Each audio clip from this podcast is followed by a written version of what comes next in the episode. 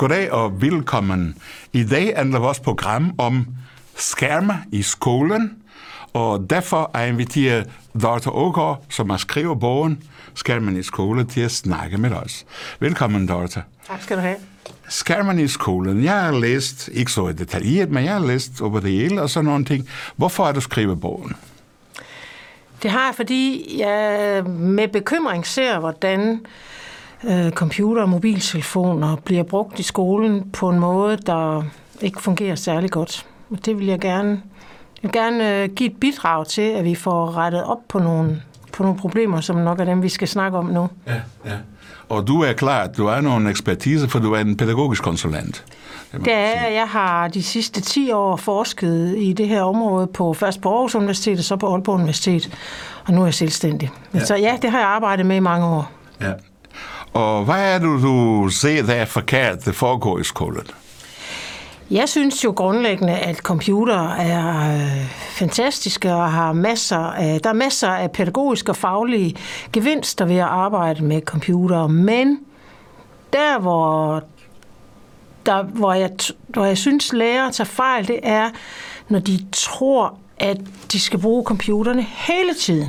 Ja. Altså når eleverne skal have en, en bærbar computer foran sig, og den skal være åben hele tiden det har nogle store skadevirkninger, fordi hvis man som barn, som ung, sidder med en computer foran sig hele tiden, så er der jo en hel masse andet, der kommer væltende og som forstyrrer, som betyder, at man har svært ved at koncentrere sig, og som gør, at man bliver trukket væk fra det, som det går ud på i klassen.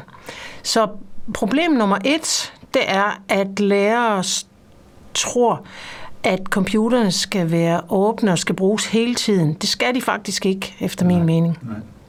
Men, men det er det ofte det bare at det står altid, og børn står og leger i stedet for at fokusere, og så siger mange lærere, at de har problemer med fokus og dit og dat, men ja, det er, det er en stor omvæltning. Og jeg synes faktisk, det er sundt, at mange skoler ikke har forberedt sig til, at disse tid med nu teknologien. For det kræver en tilpasning, det kræver en uh, adaptation af, af tingene, som er omkring, specielt for læreren.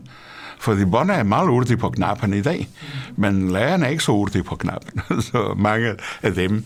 Så, så der synes jeg, at skolen har fejlet Ja, men det var faktisk fordi, som jeg har beskrevet i bogen, at øh, de bærbare computer... Nej, lige startede et andet sted. Ja. Før 2008-9 stykker, der var computer noget, der stod inde i nogle specielle lokaler. EDB-lokaler kaldte vi, kaldte vi dem. Så tog man klassen med ind i et særligt lokale og arbejdede med computeren, og så gik man tilbage til normallokalet. Men da de bærbare computere kom ind i klasserummet, og det skete faktisk i løbet af ganske kort tid, så ændrede hele klasserummet sig, fordi så stod der pludselig de der 30 skærme foran, og den forskel var der faktisk ikke rigtig nogen, der havde. Man havde ikke gennemtænkt, hvad det ville betyde. Ja. Jeg synes bare, det var fedt, at vi fik computerne ind i klasseværelset, og alle hver havde sin, ikke? Fedt. Men hvem skal bestemme over de der maskiner? Ja. Hvornår skal de være åbne, og hvornår skal de være lukket? Hvis nu eleverne ikke lukker dem, når læreren siger det, hvad skal, der, hvad skal han eller hun så gøre? Alt det der, det var man uforberedt på, fordi man ville så gerne have alle computerne, men kommunikationen blev fuldstændig ændret, og det var lærerne nemlig uforberedte på. De kunne godt finde ud af, at, mener jeg, at bruge computerne, men det der samspil mellem lærere og elever blev totalt ændret ved, at der kom ikke bare 30 sorte skærme ind i rummet, men pludselig var der også 30 smartphones i, i, i elevernes lommer. Og iPad og det hele. Så... det hele. Og det har fuldstændig ændret, hvad skal vi sige, scenen for undervisning og, og forholdet mellem lærer og elever. Men det er faktisk lidt sundt, for disse nu teknologiske redskaber kunne være med til at forøge niveauen af læring og det hele, men, men på den måde er det ikke. Det er det modsatte. Altså, jeg er sikker på, at der er nogle meget store muligheder, men, og det, det er det positive, men det negative i mange klasser og mange skoler, der, er det negative, der mener jeg faktisk, det, at det negative fylder mere, fordi eleverne bliver forstyrret, og det, det betyder også rigtig meget for, for, for relationen mellem lærer og elever, fordi læreren kan faktisk ikke rigtig, læreren kan ikke rigtig se eleverne og deres ansigter, fordi de sidder der med bøjet hoved ja. også. Og den der øjenkontakt betyder jo enormt meget for, om, om man som elev øh, har lyst til at følge med, og man får smil og øjenkontakt øh, fra lærerne, fra de andre. Men du sidder man sådan der bøjet ned over. Det betyder, det, det, så, så der er mange forskellige slags negative konsekvenser ved, at lærerne ikke har fundet en måde at styre det på. Fordi der er ingen tvivl om, at der er nogle positive gevinster, men de negative, de overskygger i mange tilfælde gevinsterne. Ja. Og, og når det er det, så hvad skal man gå til at få det positive gevinst op, og det negative ned? Jeg mener faktisk egentlig ikke, det er så svært. Fordi det handler om, at lærerne tillader sig at styre elevens computer. I øjeblikket, der tænker de fleste lærere, uh, det er nok bedst, at eleverne selv finder ud af at bruge dem, fordi de er jo tænker lærerne. Digital natives, de er sådan, det, er de, er eleverne, der har egentlig mest forstand, fordi sådan en gammel en som mig, er nok, ah, har jeg egentlig rigtig forstand på det. Jeg må vist nok hellere lade være med at blande mig. Det er meget ødelæggende, fordi ja. det er jo faktisk det er jo læreren, der skal bestemme over undervisningen. Helt grundlæggende. Og i høj grad også computeren. Så først og fremmest så skal læreren så skal læreren tage retten til at styre og til at sige, nu skal de være lukket, og nu skal de være åbne, og nu skal de være lukket, og nu skal de være åbne, og så videre. Altså, at man kun lukker skærmen op, når, der, når, når de skal bruges. Hvis man nu for eksempel har en klassediskussion, eller hvis der er en elev, der holder et oplæg for resten af klassen, så skal der jo ikke være 30 skærme, der er åbne, sådan der kan komme forstyrrelser ind.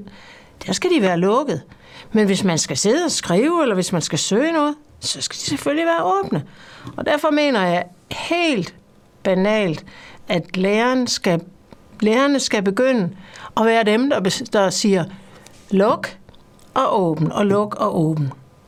Altså, det, det aller, aller vigtigste i den sammenhæng, det er, at alle timer skal starte med, at alle skærmer er lukket.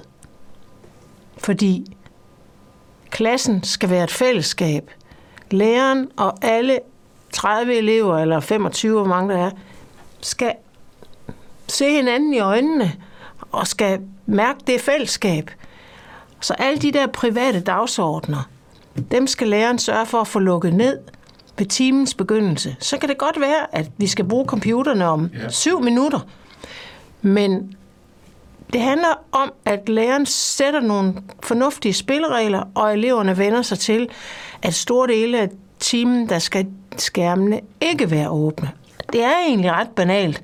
Jo, det er det, men, men der er mange, ud. Men der, der er mange lærere, der synes, at det er sådan, ah, det, de er ikke helt... Det... Men skal vi sende læreren i kursus på det pædagogiske universitet? Jamen, der, altså, jeg holder faktisk mange oplæg rundt omkring på skoler, for lærere og fortæller dem, at de har lov til at bestemme over computerne. Og det er der en del lærere, der synes er sådan egentlig lidt af en lettelse, fordi de har gået og tænkt, at ja, eleverne er digital natives, så jeg er bare sådan, ja, ja. ikke? Så ja, lærerne skal måske, nogle, lærer skal, nogle skoler skal nok holde nogle kurser for deres lærere. Ja. Altså, jeg er ikke nogen uh, ekspertise i, hvad jeg lærer og sådan nogle ting. Ja, det er ikke helt rigtigt. Jeg har haft en gang, der i Portugal, hvor jeg kommer fra, så et år, da jeg var i sidste år i gymnasium, og så skulle jeg starte en lærer på en skole. Dengang er man på landsbyen er man uh, undervisning gennem tv. Mm-hmm. Og så disse lærer skulle på kursus eller en anden, og så bad mig at tage uh, en uge af deres undervisning. Jeg sagde, okay, det var fransk og matematik, det var ikke sådan noget problem for mig. Uh, så da jeg kom første dag, det var totalt i chok. stod alle elever oven på skrivebord og råbte og skriger og dit eller dat, og total dynamik, og jeg sagde, hold da op, hvad fanden skal jeg gå af en, ikke? Og jeg lod det stå et øjeblik, og så sagde jeg, okay, fra nu af, ved I hvad, når I kommer ind, så får I de første fem minutter, hvor I kan sætte jeres ting i, på med det sammen. Alt, hvad jeg oplever, I kan opleve, hvordan der Og så er det slut, og så begynder vi at arbejde. Okay, det var de alle med på. Ja. Og så var det. Så kostede det så fint. Ja. Så når, så kom den rigtige lærer tilbage, og så vi havde lavet, jeg lavede nogle eksamener med dem. Og så pludselig kommer lærer en dag til mig og siger, hvad fanden har du gjort med mine elever? Jeg sagde, hvad mener du? De har aldrig forstået det eksamen. Det er da fantastisk, det er aldrig passeret før. hvad har du gjort? Jeg fortalte dem historie. Okay, alright, jamen de, de er bestået eksamen. Så det beviser var, at nogle gange skal du give lidt rum til den ja. gå ud, og den til kunne fokusere. Ikke? Ja. Og, og jeg forstår ikke, hvordan det kan være så svært for nogle lærere i dag, med så mange pædagogiske redskaber, som det er, at de kan sætte sig i orden. Altså, fordi det er vigtigt i forhold til, det er dem, der er autoritet ja. i den sammenhæng i klassen. Men det er i meget høj grad spørgsmål om autoritet, det er du fuldstændig ret i. Og derfor mit, min måde at tale om det her på, er også under overskriften klasseledelse. Ja. Det er ikke et spørgsmål om, om, om man vil have medier eller ej. Selvfølgelig skal ja, ja. vi have medier, men det skal forenes med en meget tydelig klasseledelse, hvor læreren netop tager autoriteten. Ikke på en gammeldags, uvenlig måde, men på en venlig måde. Ja. Man kan sagtens være en autoritet, man kan sagtens være en tydelig lærer, der sætter spillereglerne, og være venlig samtidig. Så det er et spørgsmål om at, at, at se, hvad skal vi sige, den, den moderne venlige autoritet som nødvendig, ikke mindst på det her område, fordi der er jo sådan, altså netop som jeg sagde før, mange lærere tænker, jeg har nok ikke rigtig forstand på det, og hvis, det, hvis man tænker sådan, så har man sluppet. Ja. Så, så kan man ikke... Ja, det har man faktisk. Ja, ja. Det er meget sjovt, du siger det, fordi da vi engang var på en skole, så um, faktisk det viser sig, at vi lærte børn at arbejde med medier, og det viser sig, at dem, som blev bedst med det, det var dem, som var totalt negligeret i klasser, som sat sidst, som aldrig piper, som aldrig sagde nogen, og de voksede med disse brug af medier, hvordan så kunne de pludselig udtrykke sig. Og jeg husker i deres pause, efter vi har lavet den der, så kom de altid til mig, nej, nu har jeg lavet en manuskript til dit eller dat, kan du kigge på det? Ja, ja, siger jeg, og, så, og det kom altid, så hold op, det stopper aldrig, var den der, ikke? Men, men de fik rigtigt, det blev begejstret, for de endelig kunne udnytte nogen af deres intelligens, jeg kalder det, for vi er mange former af intelligens, og aldeles ikke, ikke kun bare én. I skolen bliver mest kun brugt matematisk intelligens, men vi har sundt alle former af intelligens i eksperter. Så hvorfor ikke bruge alle former af intelligens? Ikke? Så, så det er det samme med disse teknologier og sådan nogle ting. Og så ved vi også i dag, at tingene bliver kontrolleret af algoritmen og dit eller dat. Så mange ting, som vi ikke ved helt præcis, hvordan det fungerer. Vi har hørt om det, vi ved det, men vi ved ikke præcis, hvad det går med en. Og det er også skræmmende, kan man godt sige. Ja, der er vi oppe i nogle, mod nogle stærke kræfter, og det er også, det er også en pointe i min bog, at der er mange øh, også sådan også pædagogiske forskere, der synes, at noget af det, jeg siger, er, altså de er uenige med mig, fordi de siger, sådan noget som medier, digitale medier, det skal de unge selv styre. De skal selv finde en måde at håndtere det på. Det skal voksne ikke gøre for dem. Og det er meget uenig i. Dels på grund af det med autoriteten, som jeg sagde før, men også fordi, at det faktisk er for ikke kun børn, men for, for mennesker i det hele taget, enormt svært at ændre sine digitale vaner. Ja. Fordi vi er oppe imod de der meget, meget stærke, manipulerende, det er det, som vi kalder adfærdsdesign. Ja. Altså de sociale medier er jo designet på en måde, så de holder os fast, og de trækker, og de... Ikke? Det er så svært for, for voksne mennesker at styre ja. sine digitale vaner, og det er jo endnu sværere for børn og unge. Ja, Så mener faktisk, at vi svigter både forældre og lærere og alle voksne svigter eleverne ved sådan at sige, det må de selv finde ud af. Det er det moderne. Det er, at de skal blive selvstændige. Så skal de selv finde deres vej. Det er for svært. Nej, for altså. Du så kan... jeg mener faktisk, vi, vi svigter ved ikke at sætte spilleregler. Jeg er meget enig med dig, fordi jeg synes også, at vi kan ikke have en bold, og så giver det til bolden, så spil. Ja. Og bare komme ud af det. Ja. Det skal en træner, det skal laves en strategi, det skal laves, hvordan vi får det bedste ud af det, hvordan vi spiller bedre. Altså, der er en sat regel, som man ligesom skal være med til at få en god øh, spil kamp. Eller, ellers bliver det nogen bare, nå ja, pff, så taber det hele interesse, fordi der er ikke rigtig nogen. Jeg synes, det er det samme af en, og derfor synes det er rigtig træls. Og jeg har set, at det trods, at alle europæiske EU-lande faktisk er en, øhm, en mediepolicy, som, som går ud på, at man får desinformation og så det eller sådan nogle ting, så alligevel, det er ligesom, det ikke fungerer rigtigt. Det er ikke, altså, det er ikke, jeg mener media literacy, faktisk. Det er ligesom, det ikke er rigtigt implementeret. Og det synes det er sundt, for vi har brug for disse media literacy. Så vi kan lære at undtage de medier som sådan, som, som automatiske mekanismer og så videre, men også hvad er andre konsekvenserne omkring det, og der er nogen, der kan manipulere det, og hvornår bliver det manipuleret. Altså, hvis vi ikke lærer om det, hvordan skal vi differentiere? Og derfor får vi senere så alle disse fake news og dit eller dat, som, uh, altså du ved ikke, så er vi i en verden, der er værre end sorte ul i universet, mener jeg. altså, så. Ja, så kan man godt diskutere, om, om det har været et fremskridt. Altså, vi kan jo ikke forestille os en verden i dag uden computer og internet. Det er jo virkelig, altså, vi kan jo ikke forestille os, at, at det forsvandt, fordi vi er jo alle sammen afhængige af det, og vi yeah. bruger det. Men er vi blevet dygtigere? Er vi blevet lykkeligere? Er vi blevet bedre til at løse problemer? Det Nej, ved det jeg saftsus ikke. Altså, var, var, var, vi, var vi dummere og dårligere øh, til at leve i verden og leve med hinanden for 20 år siden? Nej. Nej, det var vi Men ikke. altså, for eksempel, jeg kan godt sige det, når jeg er på sommerferien, og jeg tager mest til udlandet, jamen så, væk fra Facebook, væk fra alt den der. Jeg forholder mig ikke til det. Mm. Så enkelt er det.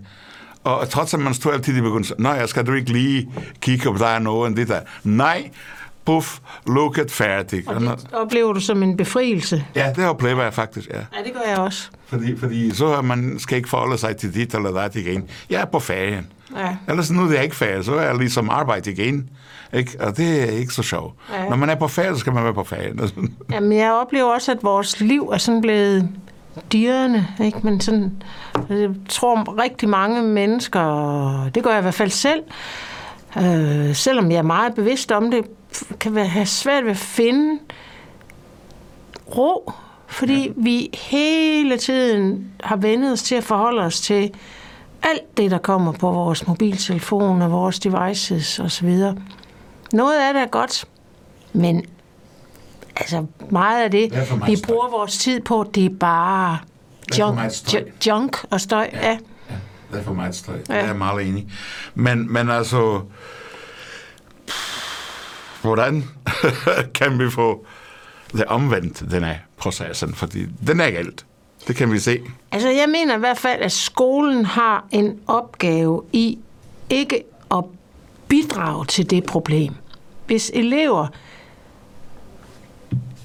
skal, skal, skal forholde sig til alt det, der kommer på skærmen i løbet af skoletiden, så bliver de jo trætte op i, op i hjernen bare at gå i skole. Så derfor mener jeg, at vi kan ligesom starte med skolen, sige, der laver vi nogle rammer, hvor vi bruger computerne, men sørger for, at der er mange skærmfri tidsrum. Ja, ja. Der skal være skærmfri tidsrum i alle timer i skolen. Der skal simpelthen være frirum, tidspunkter, halve timer, hele timer, hvor vi er fri for skærmene. Og så bruger vi dem intensivt, ja. når der er fagligt behov for det. Men så lægger vi dem væk, og så kan vi gøre noget andet og bruge vores sanser og være sammen i et fysisk fællesskab. Altså on, offline og online, frem og tilbage. Så hvis vi kan vende eleverne til, hvis vi kan give eleverne nogle gode digitale vaner med at være online, offline, on, online, offline, så kan man ligesom lære dem nogle gode vaner, som de så kan tage med sig videre i livet. For det handler eh, for, for mange børn og unge om ligesom at udholde, ikke at være på.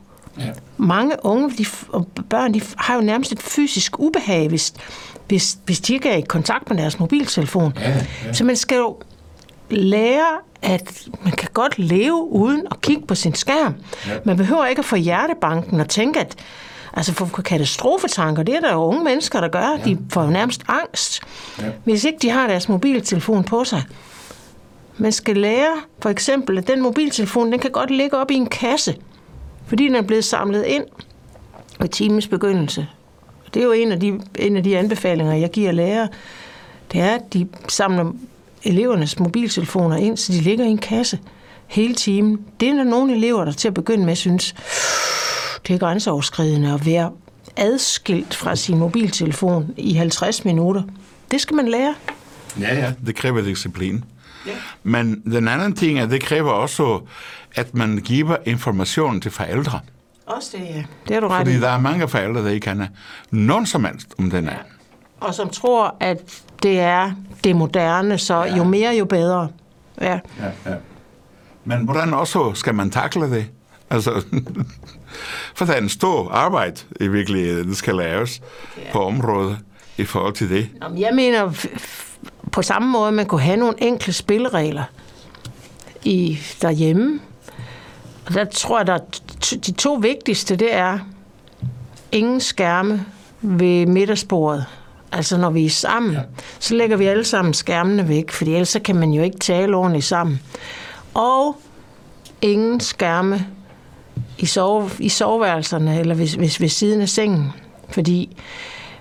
Så er de på tiden. det, øde, det ødelægger søvnen, og rigtig mange børn og unge, de sover alt for lidt.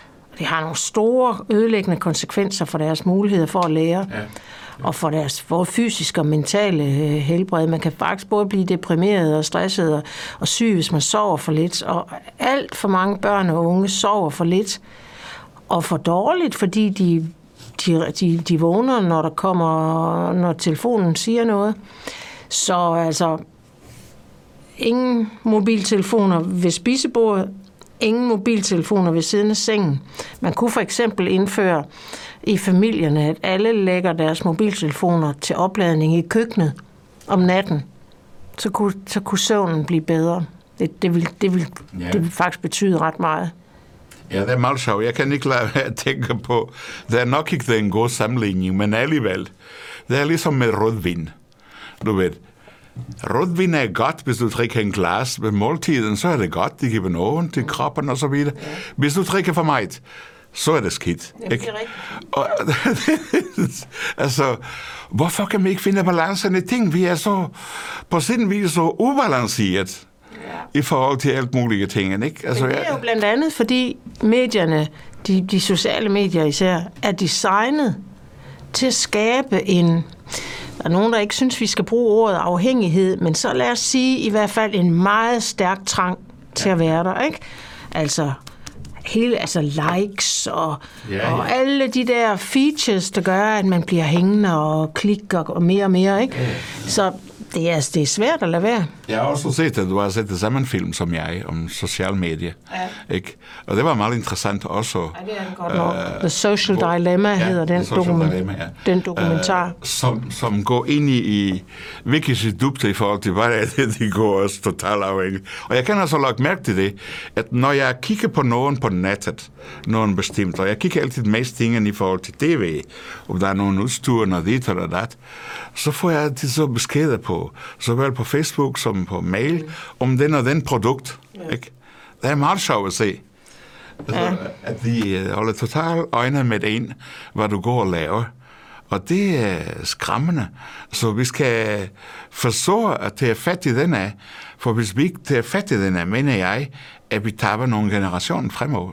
Ja, derfor er det, det er de voksnes opgave at hjælpe børn og unge Altså det, det, det, det, det er mit, min hovedpointe, fordi det, det, det er svært for alle, men børn og unge er jo endnu mere ubeskyttede ja. i, i, i, det, i det, som er svært. Så det er lærers opgave, det er forældres opgave at hjælpe. Men har du oplevet, at børn, hvis det blev udsat for sådan nogle tiltag, at det selvfølgelig kun altid svært, men så at det tog, at det synes, det var godt, og det var fint, og sådan nogle ja. ting. Det har jeg, altså jeg har arbejdet, øh, jeg har specielt arbejdet øh, i ungdomsuddannelser, altså i, i gymnasier, og der kan det godt til, hvis, når lærer begynder at lave en anden praksis, så kan eleverne godt til at begynde med at sige, ej, det er da også, altså vi vil selv, og så videre. Og så oplever de det som en befrielse, fordi de jo selv synes, det er rigtig svært. De ved godt, de bruger deres mobiltelefon for meget, men de kan ikke styre det. Og når så lærerne siger, vi samler mobiltelefonerne ind i timens begyndelse, så kan de mærke, ja. hvor meget bedre deres koncentration bliver, og at de ikke bliver forstyrret, og det synes de er en befrielse. Så jo, helt sikkert, der er mange elever, der ser det som en stor hjælp. Ja. Men øh, jeg er åben, altså det var ikke den eneste bog, du skrev. Det ved jeg godt, men vi snakker kun om den af denne gang. Men jeg håber, du fortsætter med den arbejde, for der er stor brug for det, faktisk, til at opluse, opluse, opluse, opluse. Og jeg er meget enig i dine pointer, det er også derfor, øh, fordi jeg har også læst bogen og sådan nogle ting, og så siger ah, der er nogen af en, som vi skal formidle, som vi skal øh, videregive til børn og familie og skole for den sags skyld. Så Dorte, jeg siger mange tak, for du kom og fortsat god arbejde fremover. Tak skal du have. Selv tak. Ja, det var alt vi denne gang. Og husk at tænke på skærmen i skolen, men også hjem. Det er meget vigtigt, at øh, børnene får pause fra det. Så tak for nu.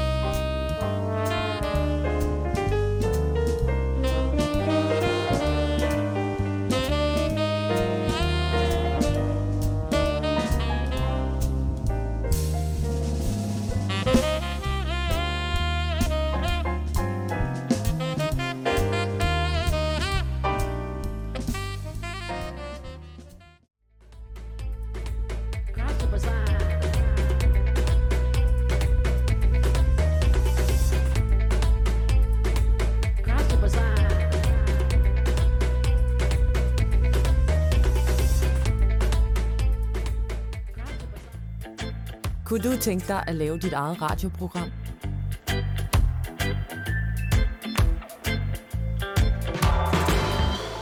Bliv frivillig radiovært i Radiohuset Aarhus.